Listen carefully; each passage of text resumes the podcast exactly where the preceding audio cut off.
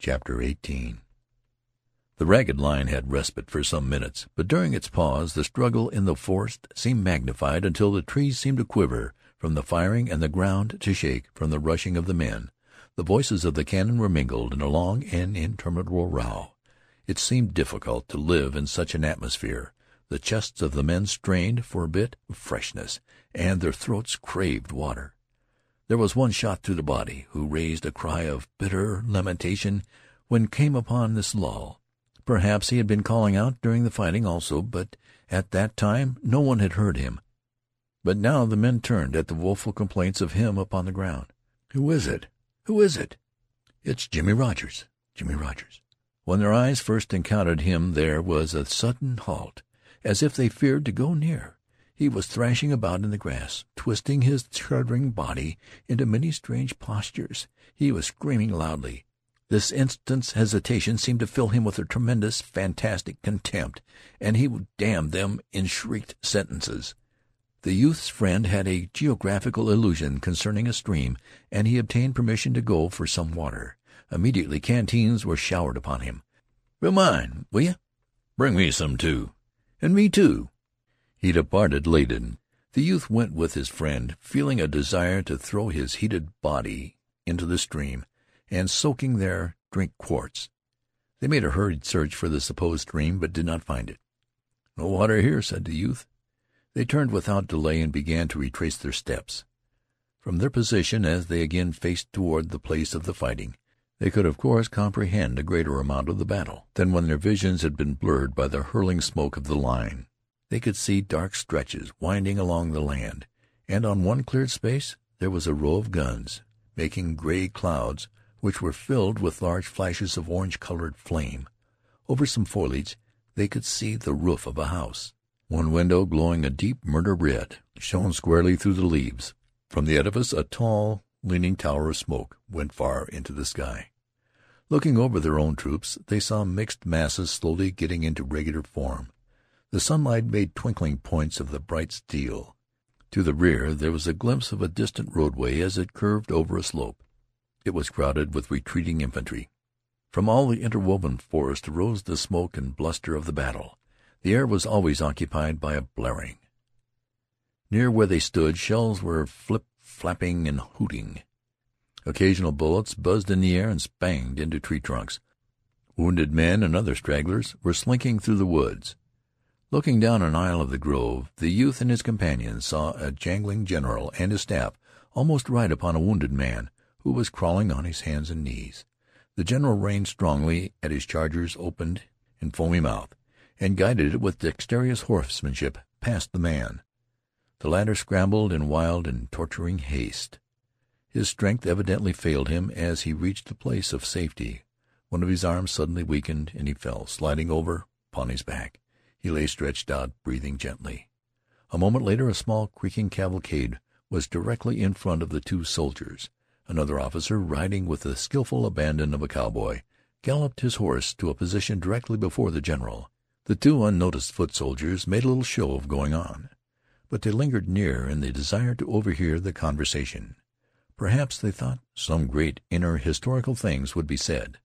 The general, whom the boys knew as the commander of their division, looked at the other officer and spoke coolly, as if he were criticizing his clothes. "The enemy's forming over there for another charge," he said. "It'll be directed against Whiterside, and I fear they'll break through there unless we work like thunder to stop 'em." The other swore at his restive horse, and then cleared his throat. He made a gesture toward his cap. "It'll be hell to pay stoppin' them," he said shortly. "I presume so," remarked the general. Then he began to talk rapidly and in a lower tone. He frequently illustrated his words with a pointing finger. The two infantrymen could hear nothing, until finally he asked, "What troops can you spare?" The officer who rode like a cowboy reflected for an instant. "Well," he said, "I had to order in the Twelfth to help the Seventy sixth, and I haven't really got any. But there's the Three oh Fourth. They fight like a lot of mule drivers. I can spare them best of any. The youth and his friend exchanged glances of astonishment. The general spoke sharply. "Get 'em ready, then. I'll watch developments from here, and send you word when to start them. It'll happen in five minutes. As the other officer tossed his fingers toward his cap, and wheeling his horse started away, the general called out to him in a sober voice: "I don't believe many of your mule drivers will get back." The other shouted something in reply. He smiled. With scared faces the youth and his companion hurried back to the line. These happenings had occupied an incredibly short time, yet the youth felt that in them he had been made aged. New eyes were given to him, and the most startling thing was to learn suddenly that he was very insignificant. The officer spoke of the regiment as if he referred to a broom. Some part of the woods needed sweeping, perhaps, and he merely indicated a broom in a tone properly indifferent to its fate. It was war, no doubt but it appeared strange. As the two boys approached the line, the lieutenant perceived them and swelled with wrath. "Fleming! Wilson! How long does it take you to get water, anyhow? Where you been to?" But his oration ceased as he saw their eyes, which were large with great tales.